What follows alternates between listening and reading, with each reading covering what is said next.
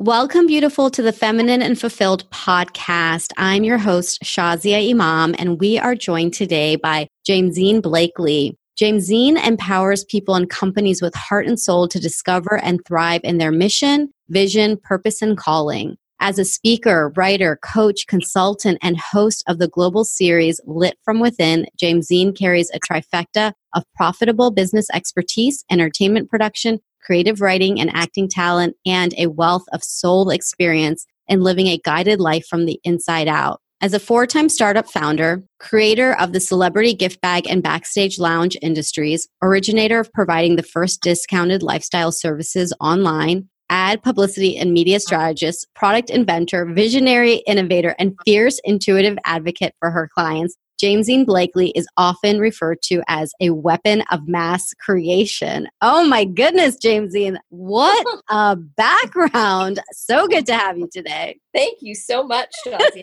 I'm so happy to be here. Me too. For our listeners, I just want to give a backstory that Jamesine and I got to meet last year in this fabulous Waldorf resort. Let me make it sound so amazing because it was. It was. We got to be in the grounds of this beautiful resort in the Biltmore in Arizona, and we were both attending a conference called The Zone. I'm not even sure how we connected, but it was love at first sight. it was. It certainly was. it was. And I remember as we were talking, you told me, you said, you know, those swag bags, you know, at award shows. And I was like, yeah. And Jamesine tells me, she's like, yeah, I came up with those. And I was like, what? What? please tell me more. So, Jamesine, please share with us. Just share with us, please. yeah, absolutely. So sometimes necessity is the mother of invention, right? And so I came to Los Angeles, having grown up in Washington State, mostly Washington State, and I came to Los Angeles as an actress and a writer. Young, I was young, I was 18 years old, and sometimes in my acting and writing careers, I just wasn't making enough money to have the lifestyle that I really wanted. So I needed to supplement my income. And I had become really good friends with a whole bunch of designers in New York and LA. And at the time, there was no such thing as a sample sale. And I would go in to my friends' businesses and they would have racks and racks and racks of clothing that they hadn't been able to sell or that had come back from these major retailers. And I said, "Hey, what if I took some of this stuff and, you know, began to sell it?" And so I started taking it out to TV shows, to the costumers and the wardrobers at TV shows. And I also hosted sales at my house. I would fill my house with all these racks and I would have beautiful food and I would invite all my actress and, you know, entertainment executive friends over, producers and directors and heads of networks and things like that. And they would buy tons and tons of clothes at highly discounted prices. And, you know, I started with one, then I did two, then I did three, then I did one every season. And it was at one of those that one of my friends suggested, hey, you should take these out to the TV shows directly. That's how that started. And one particular day that I did that, I actually made more money selling the clothes than I did on the TV show. And it took very little work. And so I became the largest independent supplier of designer and up and coming designer clothing, jewelry, and accessories to TV shows in New York and LA and actresses and executives. And I, you know, started carrying some men's clothing too. Then I did partnerships with InStyle, Us Weekly, People Magazine, and they began to write articles about this. And this was before they were really writing any articles. I could give them a list of who, what shows had bought which items, which actresses had bought which items. And it was a really fun way to get press. And, you know, the entire time I'm doing this, I'm not really thinking it's that special.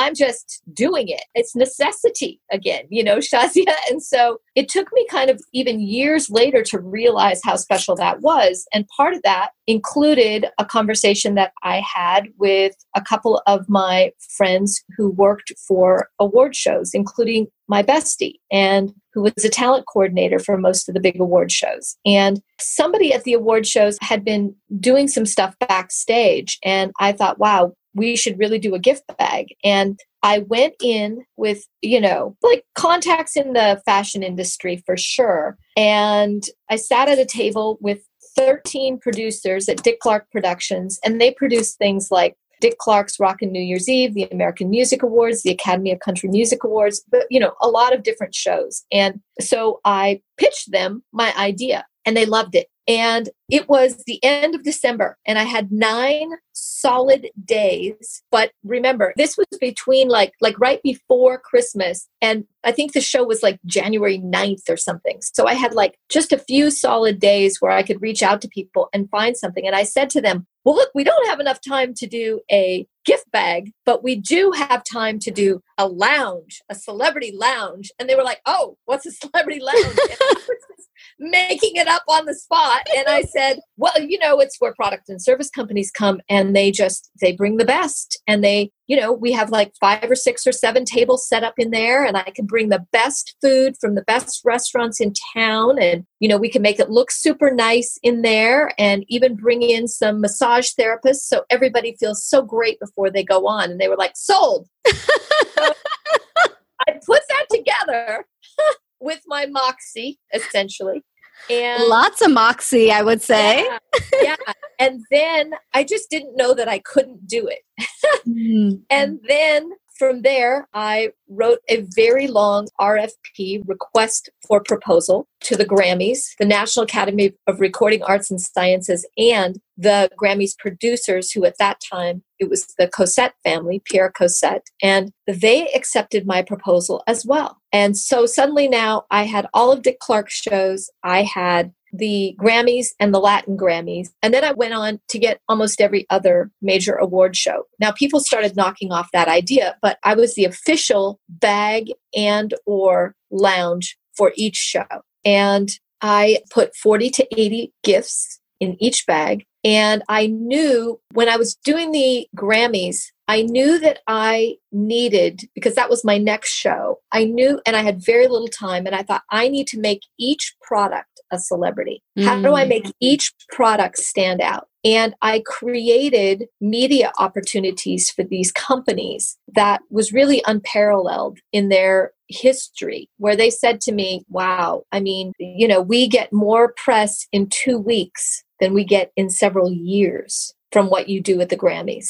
Mm. And I had a fan, you know, I many brand CEOs were fans of what I was doing. And I had the CEO of Colgate who said, you know, the first time he came in, I thought that, you know, it was $2,500 per bag. And, you know, I undercharged when, when I started. I didn't really know. It had never been done before. And I quickly did increase my prices. And yeah, wow, that was talk about an exercise in learning who you are. Mm. I had so many things come up for me with that. You know, I had a fascinating experience. And I, I, think about your listeners right now, and I think, you know, some people are going, wow, that's really amazing. That's really cool. But I want you to think about yourself and how the amazing things that you've done. Mm just because you've had to. You know, once I said yes, I had to make stuff happen. And by the way, I would call different brands and I would, you know, ask them to be in the gift bag and they would tell me that they would put stuff in the gift bag, but they wouldn't pay me. And I said, well, this is not a hobby, you know, and mm. it's okay. I called you first, you know, Nikon, but I'm about to call Canon and they're going to do this. And so you have a choice right now, but you're not going to have that choice because once they sign up for one show, they're going to sign up for three more because we're going to knock their socks off with the press. Mm-hmm. And then you're not going to have another chance to come back at this. So if you're willing to tell your boss that, you're not going to get another chance. I literally, I was really gnarly because they had been so rude, some of them, that I finally I just was to the point where I was like, oh no, oh no, no, no, no, no, no. no. And so that was really funny. And then I have to share another thing too, which is that I would change my voice and I would be the receptionist and I would be the shipping person and I would be myself. oh, yeah. Oh, Ms. Blakely's not available right now. This is her assistant. May I please take your information? You know, I mean, I, was doing all crazy stuff. I was an actress, right? So, you know, my company had several employees, but I never did pay them wages, nor did they ever get taxed because they were me.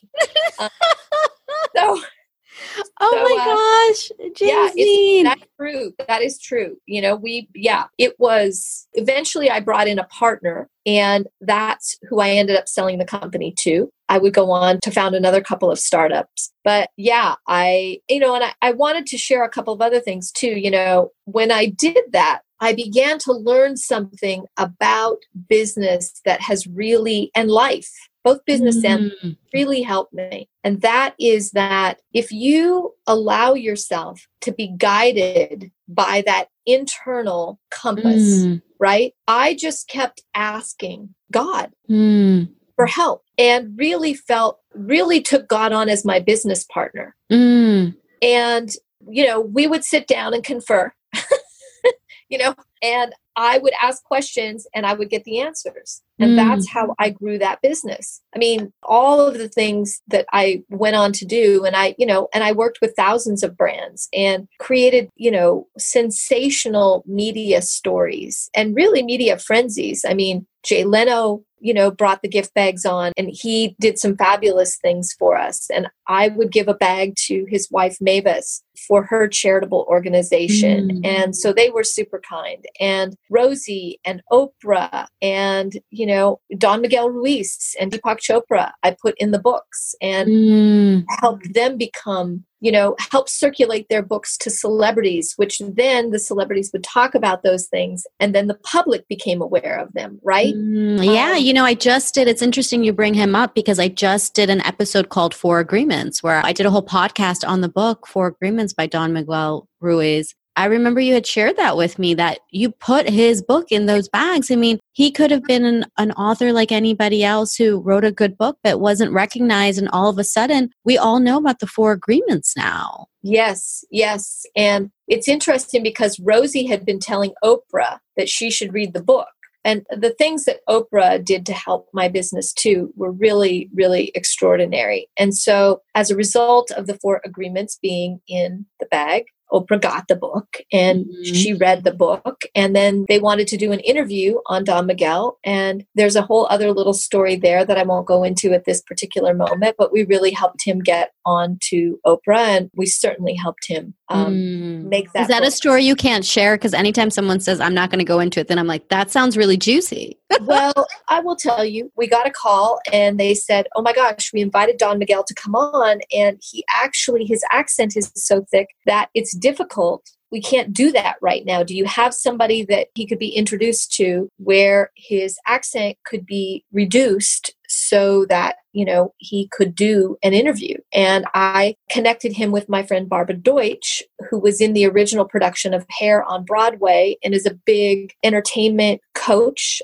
for people in media and entertainment and radio and publishing. And yeah, so mm-hmm. I mean, I would get interesting calls as a result of doing certain things for my clients who had differing levels of capabilities to mm-hmm. be in the spotlight at that time, right? That's something that one develops over time. I mean, and you know that too, because you've obviously developed your voice over a period of time. And mm-hmm. how beautiful that we start where we are. That's where we have to start. We just have to start where we are. So, definitely. Yeah. So, Jamesine, something coming up for me is First of all, I'm still just like in shock. Like your story is like, oh my God. And just name dropping like Oprah and Rosie. I'm like, yeah, of course. Like when I was talking to Oprah, you know, like I love it. I just love that I'm living vicariously through your story. And I want to paint a picture for our listeners because for you, the gift bags were so close to you, but I've actually never seen what's in them. Like, can you paint a picture of what was in them and what was it like to the word coming up was you were creating opportunities amongst people. You know, it wasn't just somebody getting seen by Oprah. Oprah was getting to see Don Miguel, this yep. almost circular opportunity of connection. And there's just something there I can't find the words for, but you've created something beyond gift bags. It's something so much bigger. So if you could paint a picture of what's actually in the bags and then that Absolutely. greater piece. Absolutely. So a couple of things. One is I knew that they could be a novelty. I was aware that they could be a novelty. And I was also aware that they could be taxed Mm. And so, you know, and on the positive side, I knew that they could raise a lot of money for charitable organizations. And I realized that if we gave those baskets from a heart space, if we tailored those gifts, for instance, you know, for Madonna, at the time, Lourdes and Rocco were, you know, when we first started, they were young. So we had their sizes and we included things for people's children, mm. their significant others, things that they could enjoy as a family. We tailored those. I created a catalog of all of their favorite colors, sizes, preferred brands, hobbies and interests, passions, curiosities. And I really created an opportunity to give a gift, mm. not just hmm. throw stuff in and market it. And I feel that that really carried through mm. with the gifts, right? And so there were things like diamond earrings, watches, very expensive vacations, clothing. Apple would give us new products before they even launched into their stores. We would get them in the gift bags. Mm. And my space in the Hollywood Hills became a place where it was open 24 7 and people could come up and I could gift them or sell them certain items at different price points and things like that, right? So that they would be exposed to the products mm. on the level of the celebrity. So we had a lot of celebrities coming through our actual business, which was in a gorgeous house up in the Hollywood Hills. And there were, I mean, cameras and new innovations and services from like spiritual advisors and coaches and consultants and wow, new types of technology that could do really wonderful things, you know, mm. for your health and mm. wellness, your vitality, vitamin water. We have launched so many brands. Wow stratosphere. Aldo shoes, we took them not not only did we put them in gift bags, but we also had a round of shows that we would TV shows that we would go out to. We had about anywhere from 200 to 350 celebrities that we would go out and gift. And we had very specific ways that we would gift people. We wouldn't just gift the celebrities. We would also gift certain, you know, people on the set, hair, makeup, wardrobe, costumers so that everybody felt like they were being gifted mm. it was it was a mm. very particular process which i don't mind sharing now but at the time i was very quiet about it because it was something that i had developed and it was extremely inclusive and so people loved seeing us mm. because they knew that everybody was going to be treated the same whether you were celebrity or not mm. which is just what I believe that we are all equal. So, those principles that I really was raised with became my values my own values and those values became the company values. And i had brands that would sign up for long periods of time. I had brands that would tell me no that would eventually come on. I had you know chanel eyewear sunglasses and escada and you know a number of very large brands that came on ralph lauren donna karan i mean so many brands i can't even begin to like share them all. Sure yeah so those gift bags i mean i have some fun stories too where George Foreman, you know, made his grill. And that was such a fun thing. The first year we put the grill into bags, well, there was a little segment on the Grammys where they actually brought the bag out and they were showing the George Foreman grill and they were talking about it and they were like making fun, wonderful jokes about it. And then NSYNC took their gift bags and the taxi driver was talking about how he always had wanted to try the George Foreman grill. So one of them took out their George Foreman grill and gave it to him. Oh my God. Yeah. And so we had just these fabulous, fun stories that people started sharing about the gift bags. And, you know, for every dollar that we raised, it was my intention to raise $5 for charity mm. for every dollar that we made. And, you know, we really gave a high number, and that was something that a high number of gift bags away. And that was something that our brands knew. They knew that they would be including products for these charitable gift bags, which mm. would go for a lot of money. Sometimes they came with tickets to the show and various other things. So, yeah. Wow. I mean, gosh, you know, when we first talked, I was really just thinking about, you know, just the bags and the celebrity lounge. I didn't realize it was in all of these different facets and the way that you created the gifts for each person. I mean, it was truly about giving. I mean, that's what I'm hearing over and over again giving to charity in terms of yes. dollars, giving to people so that they're seen, you know, whether it was customized or whether it was somebody on the set and not just a celebrity. I mean, everything about what you're sharing just sounds so deeply from a place of heart and from giving. I mean, it's no wonder that it went where it went. I mean, it's no wonder that it came from a divine source. So, going back to when you were talking about your conversations with God. Yes. I am so curious to know when you were having these conversations and you were hearing things back or getting the message or the inspiration. Take us to that moment because I know that for me, sometimes I must be getting messages, but I think I miss them. Or maybe I'm not listening, or I don't know. Like you clearly were having a very connected conversation. Tell us about that.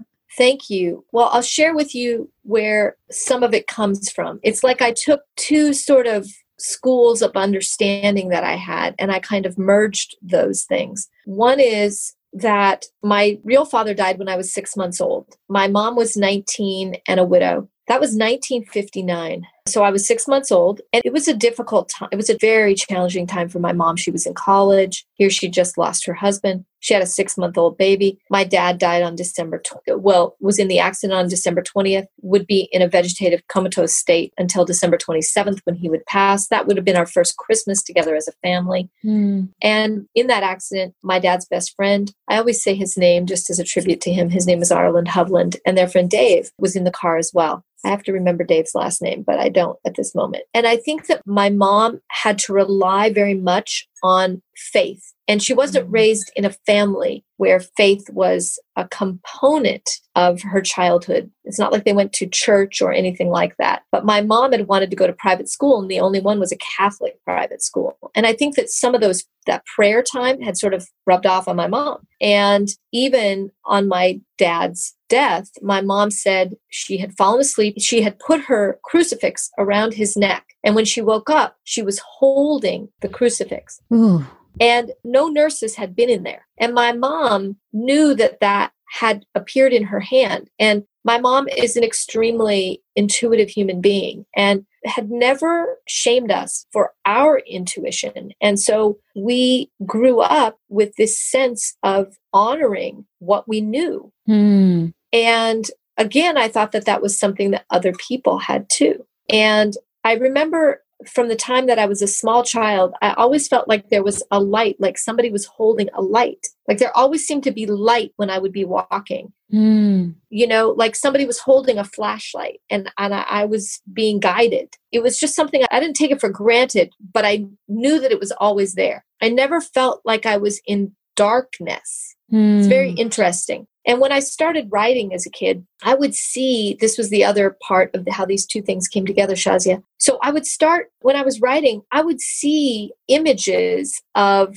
my characters and they would be talking and i would think wow it's my job to make sure that i articulate in the highest way best way possible what these characters what my characters are saying mm. and and i thought you know now where does that come from where does that that's not just me. That's like you know and i started to be fascinated by writers who talked about their process. And i thought wow what they're really talking about is god sharing information with them. And to me that felt very much like the intuitive uh, what i like to call divine downloads or uploads of information that i get. And i believe that, that these are like hugs from God. Mm. They're like kisses and hugs from God. And we can take some of these things that are seemingly insignificant, Shazia, like, you know, go to the store, go right now. And you're like, this is not convenient. I don't want to go right now. Right. But that feeling that you get, mm. it has an activated, you know the difference. We mm-hmm. all know the difference. We've all not listened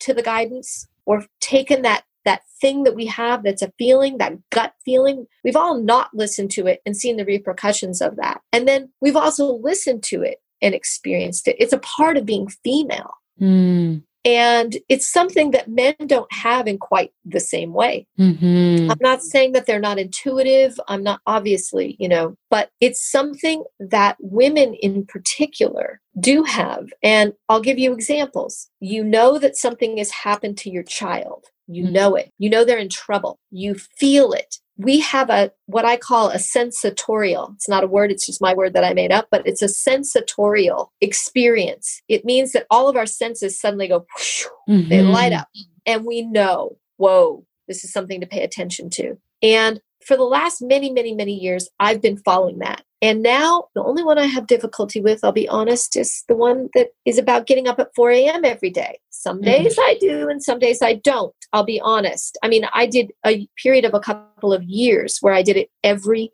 day, and it changed my life and it is life changing to do it. And i'll go into that perhaps in a moment but that's yeah i would love to hear about that jamesine because i have been getting woken up literally at 4 a.m for like months now maybe even oh. longer than a year and i'm like what is going on? Am i crazy? Okay i will definitely share that with you what that what that is and yeah it's really a powerful thing I know that God is communicating with us all the time. And I know that some people believe that there's a filter that, you know, you need to talk to your angels, we need to talk to our guides. I used to feel that I had to go through an intermediary, and I haven't now for years. I go mm-hmm. directly to source. That's a relationship that sustains me, that guides me. Everything that I do is from the guidance. And as you said, you think it's, you know, you believe that it's there, but maybe you're just not listening. And I will share that I don't believe that there's one person on earth mm. who is not getting the guidance. And in fact, I don't believe that there's anything on earth that's not getting the guidance because to me, the same urge or activating force or guidance, if you want to call it, that's in us is in, for instance, the acorn that turns into the oak, mm-hmm. the carrot seed that turns into the carrot, mm-hmm. the egg that turns into the bird, which, you know, takes flight and, mm. and migrates. Like, how do they know how to do these things? So that same impulse of life is within us. And if we learn to trust it, mm. then it will guide us to the most magnificent life. And it's not that we don't have any say in this. In fact, I believe that we do, that the urges, these seeds, I like to call them, that are planted in our heart, that these things that we choose to do, again, if we trusted that that is what God wants for us also, mm. then we will move in the direction toward the completion and accomplishment of that. Yes. Oh my gosh. I mean, what you're saying is resonating so much because, you know, when we look at nature and the examples you gave were so beautiful. I mean, the acorn that turns into the oak tree, it doesn't question how it will grow, which way it will grow. Oh, am I on the right path? It just, nature has this way of absolute trust. And we call it Mother Nature for a reason because it's the absolute feminine. Yes. And so, as you're sharing and you're talking about us trusting the own seed of our heart, it's like, yes, what would it look like to just move and flow and be in the way that the divine knows is perfect for us? That is so powerful. That is so incredibly powerful if we became prayer as opposed to because that's i don't necessarily pray anymore i become prayer mm. because prayer can be both a proposition and an asking a bargaining mm. a hmm. tool a tool but if you become prayer and you know that like the acorn and like the baby chick that becomes the golden eagle that if you know and you put full faith in you and God. Mm. Which I believe is what was meant to happen. You know, there's three types of trust there's self trust, trust in others, and trust in God. And if you don't believe in God, then life itself. Mm. And, you know, whatever form of God you believe in, though, right? God is the divine creator, and we were all born divine creators of the one divine creator. Mm. And most people don't know how to create. They think, in fact, that creativity is creation. But creativity you can do if you're drunk or you're high or you're stoned or you're out of your mind in some way or another. But creation, absolutely not. You must mm. be completely present to be in creation. creation is that eight-legged spider that you know your family how you want to create your family so it's you know the ways in which you operate personally, the ways in which you vacation as a family. It's looking at it like a creation. Mm. Because it's not going to get there without your conscious attention and intention. Mm. But it doesn't have to be outside of you, it comes from inside of you. It's the same with a business. A business is a creation, it's got the administrative details, one leg of the spider, it's got the executive details, decision making, it's got PR and sales and marketing, right? These are all creations. And how can we possibly, as limited human beings, understand how to move those things forward. Mm. I believe that when we ask questions and we're in alignment, like literally synced with the divine that's inside of us, that we can then make inspired choices. Mm. And that loneliness, that separation that we can feel will go away. Mm. Yeah. It's a really powerful way to live. And I've never had a piece of guidance that told me to do something. You know, I used to have people ask me things like, you know, what if it asked you to jump off a bridge? Would you do that? And it's like, well, I've come to trust mm-hmm. it so mm. implicitly. It's never asked me to do anything, not once. And anyway, I have free will. Mm. So, you know, I'm still at the place where I have free will and I am discerning and I am taking part in this partnership Mm-hmm. Um, and I have been asked to do things that I think personally are crazy, like, oh, close this business down. And even with what I'm doing right now, I got a clear calling, shut down all my websites, stop doing the kind of business that I was doing, start sharing with people how to find their purpose and their passion, their mm. vision and their mission, and in the ways which I have learned how to do that. So I did that. Then I got asked to do something that was called Camp Possible. And literally, I just sat down and I write. I do this thing called Golden Time in the morning where I'm half awake, I'm half asleep, and I'm just writing and I'm asking questions. And I will have started by asking a question the night before. Mm. And then the answer just starts flowing. And so one morning it came out, you know, to do this thing called Camp Possible. And actually, when you met me, I had just gone into Camp Possible. I took all my accounts to zero. I made it impossible to use my credit cards and to borrow from myself to take any money from savings. And I knew that I needed to have a more intimate relationship with my money and that if I wanted to be able to talk to people especially women, about starting a business from zero, that I really needed to start from zero, mm. doing something completely new and have it fully fund me having started again from zero. There were days that I needed $20 or $30 or $100 or $300 and I couldn't borrow from myself. I couldn't use a credit card. I yes, I had a debit card, so I knew sometimes I had like 24 hours to get money into the bank to cover that, right? Without mm-hmm. a fee being imposed. So when I met you in Arizona, I had just started doing that. I left with minus $3.76 in my account. I wow. knew that I couldn't fly on a plane because I didn't have the cash for it. I just started like a week and a half before the zone event or so, maybe not even as long as a week before. So I had made the reservation and all they required was a credit card number, you know, or in that case, a debit card number. And, you know, you weren't going to be charged until you left. And so I found somebody on the Facebook group who was driving and I used a favor. So, because I didn't even have enough money for a Lyft or an Uber, and the whole thing was actually exhilarating. Sounds like it. I was like, wow, this is really something. And, you know, I just set a course where I was going to need to have about 15 or 16, 1700 dollars when I checked out of that hotel on Monday. And I had a client call me and say, I want to start a new contract with you in this new thing that you're doing. And so I didn't even solicit him. I said, Great, I'm going to write that up. And I said, In the meantime, you know, I never usually ask for anything in advance, but would you mind sending me that money in advance?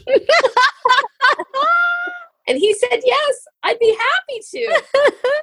and he did. And I was able to go out to dinner, pay for the hotel, you know, which was an expensive hotel. It was the Biltmore, right? Yeah. On my way there, I had coached the woman that I was in the car with, and I had brought some like really beautiful gourmet food that I'd made. And she said, when I said, you know, I need to give you money for gas, I said, do you want me to give you a check? I was hoping that she would say, yes, a check would be great. Or, you know, I said, I could PayPal you some money, you know, yeah. And she said, are you kidding me? You coached me all the way here and fed me? No, I don't want your money. That was amazing. And so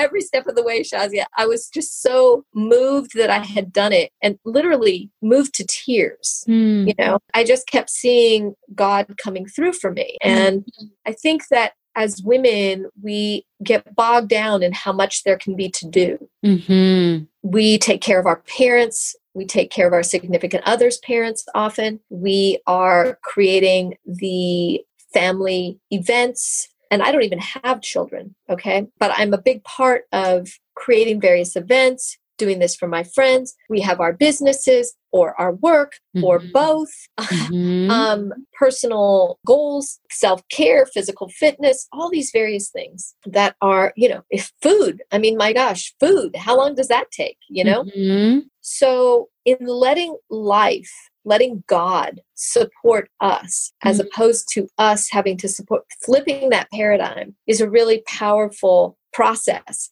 I am not going to pretend like I ace it every day, Mm. But I'm getting better and better and better at it. Mm. Yeah. And that is relying on the guidance and not on what I think should happen next. Yeah. And beyond that, right? Because as we know, things change. Someone gets ill and that appointment cancels and this appointment changes. And so all that time that you spent literally planning now, if you had just been in the flow of things. Yes, absolutely. Absolutely. And based on what you've shared, the trusting has definitely shown miracles in your life. I mean, what you have shared today is nothing short of, you know, what we would talk about in many circles like, oh my God, oh my God. I mean, we use that term, but it is the miracles that God has created because you trusted. I mean, you have instilled a trust back in me and a remembrance too. Like you said, we all have it. I can remember times too where I was at the brink of nothing, literally, and yet I was still provided for. Yes. Always. And it was because I was in an immense state of trust. And there have been other times in my life where I've had a lot of things, but I lost that trust and then things were taken away. Yes. So there's so many lessons to be learned in fully trusting that we will be taken care of, that we will be guided. And your story reminds me and inspires me to know to keep going, to dream the really big dream and to follow what we are guided into because many of our dreams are coming from an intuitive place. We're not just picking dreams from a random place, it's coming from something deeper. And when you allow yourself to dream so big, you can end up doing what you did, Jaimsyne. Wow. That seems like a dream world, and yet that is your reality. Yes, it is my reality. Yes. And I have to say, it's a lot easier to live life this way than to live it the way that I was Mm. living or the way that I see often other people living. Mm. And it's a practice. That's all it is. It's even five minutes a day of asking, How is God asking me to be supported today? Mm. So it's just a very powerful question because eventually it comes down to how we're being and how we're, you know, and what we're doing in the world. Mm.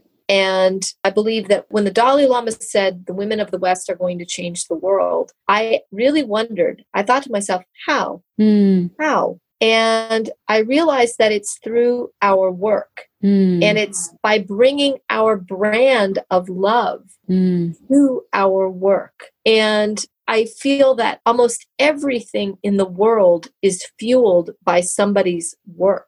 The food that shows up at the grocery store or on our table at a restaurant or at home, even though we might have cooked it, like the electricity being on, you and I talking right now, Mhm. it all has to do with somebody's work. The chair you're sitting on, the chair I'm sitting on, the room that you're in, all of this came from somebody's work. Mm. And if we put love into that, that is one way that we can really change the world. We have an outlet to express our love, but most people do not take their love to work. And I think, especially as women, that, and I mean, I come from, I'll be 60 May 11th. And I come from a background of having worked since I was 11 years old. I've worked 49 years, almost mm. 49, and I love to work. I've seen different decades. You know, I watched my grandmother worked, my mother worked. I have watched work evolve. But this is the first time in the history of watching women work and women working that we really have the ability to begin to make an impact. Yes. We're seeing yes. you know the largest number of people creating businesses are women. and for $100 and with the cell phone, you can now create a business. And the only thing you're limited by is your thinking. Yes. Yes. And what I'm talking about isn't thinking. Vision and mission and purpose come through us. They come through our heart and soul. They mm. don't come through our head. And that's where most people search for their mission and their vision and their purpose and their calling, but it will never come from there. It's not the intention of our beautiful mind, which can organize our calendar and stack appointments and put away groceries and crunch numbers, mm-hmm. right? Make plans, but it's overloaded when we give it the job of trying to create our vision. So, yeah, there's so much to share in that area. And I know that we have a limited time frame, but I just, I want to, I guess the, the thing that I want to share with every woman is if you took five minutes for yourself, five minutes every day, five minutes to sit down and ask that one simple question How can God support me? Mm to live my highest life. God, how are you looking to support me to live my highest life today? That question will begin to change your life. Mm. Right? We've all been trained Powerful. that we have to do all the work. And yeah, so I just I feel like I think about my sisters of all ages and I consider that we're about to revolutionize innovation, invention, to bring love to work, to create a softer, gentler, kinder world. Mm-hmm. You know, and I feel like that's why we have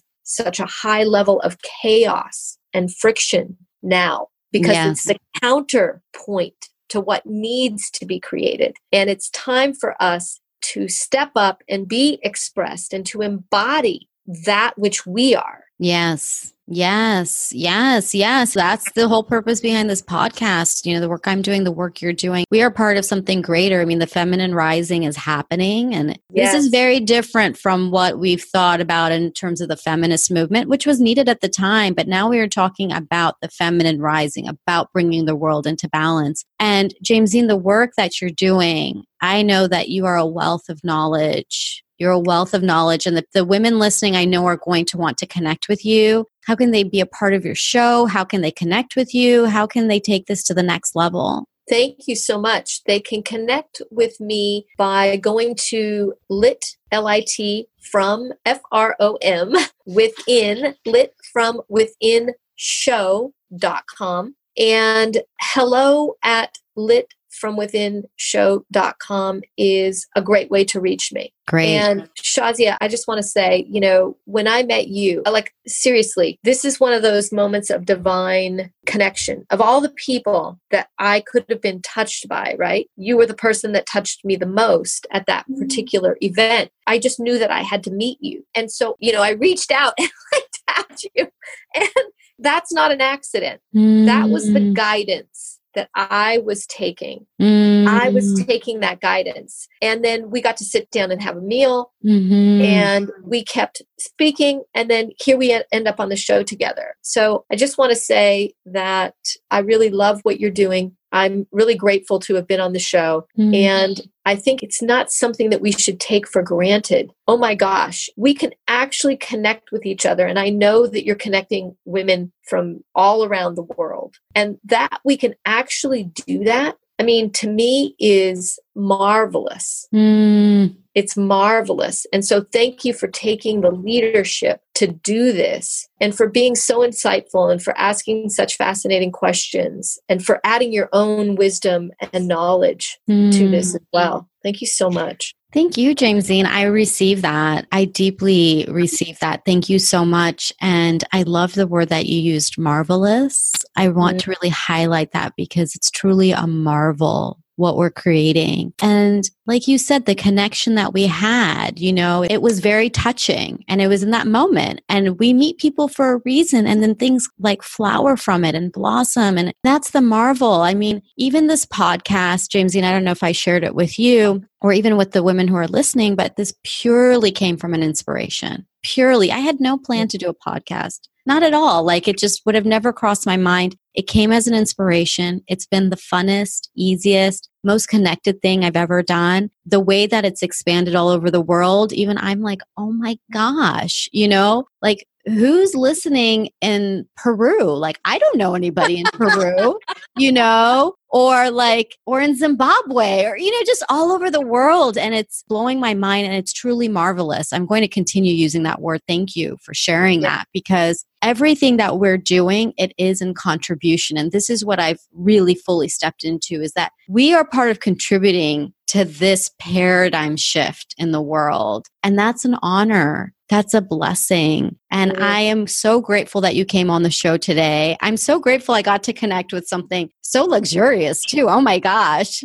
James, you created the swag bags, the celebrity lounge. I mean, I love it. And how it came from such a place of giving and continues to give. That just takes things to a whole new level. So it's like, Oh my gosh, I love fabulous things. And then you add fabulous with heart centered.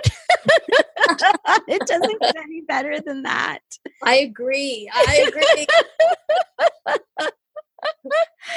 so I'm so glad we connected. We're going to put your links that you shared, litfromwithinshow.com, and your email address too. We'll put that in our show notes, and you can find that at thelifeengineer.com slash podcast slash Jaimsyne, which is J A I M S Y N E. So you can check that out. I highly recommend that you connect with Jaimsyne. You are so heart centered. You have a wealth of knowledge from your experience, life experience, soul experience, entrepreneurial experience. I feel so honored to have had you on, and I'm so blessed to have you Thank in my life. Thank you. Thank you. I feel the exact same way. It's just, it's a blessing to be connected to so many women that are doing such amazing things in the world. And you Absolutely. have really created something spectacular. Mm. So thank you so much. Thank and you. It's well deserved that you're one of the top 12 podcasts. Thank so, you. thank you. Okay. So until next time, bye, ladies. Bye. Oh, and one last thing before I forget, I wanted to give you a really special gift because how could I not? I actually have a list of my favorite things that make me feel feminine and fulfilled. And I would love for you to have it so that you can grab whatever you want from the list. So if you want to see my list of my favorite things, go to thelifeengineer.com slash favorite. And it is a full list of all of the things that I love and all the links for you to grab them. So that's thelifeengineer.com slash favorite. And I just had to give you a gift, beautiful, because um, you deserve a fabulous gift. And why not all of the most favorite things to make you feel feminine and fulfilled? Okay. Love you.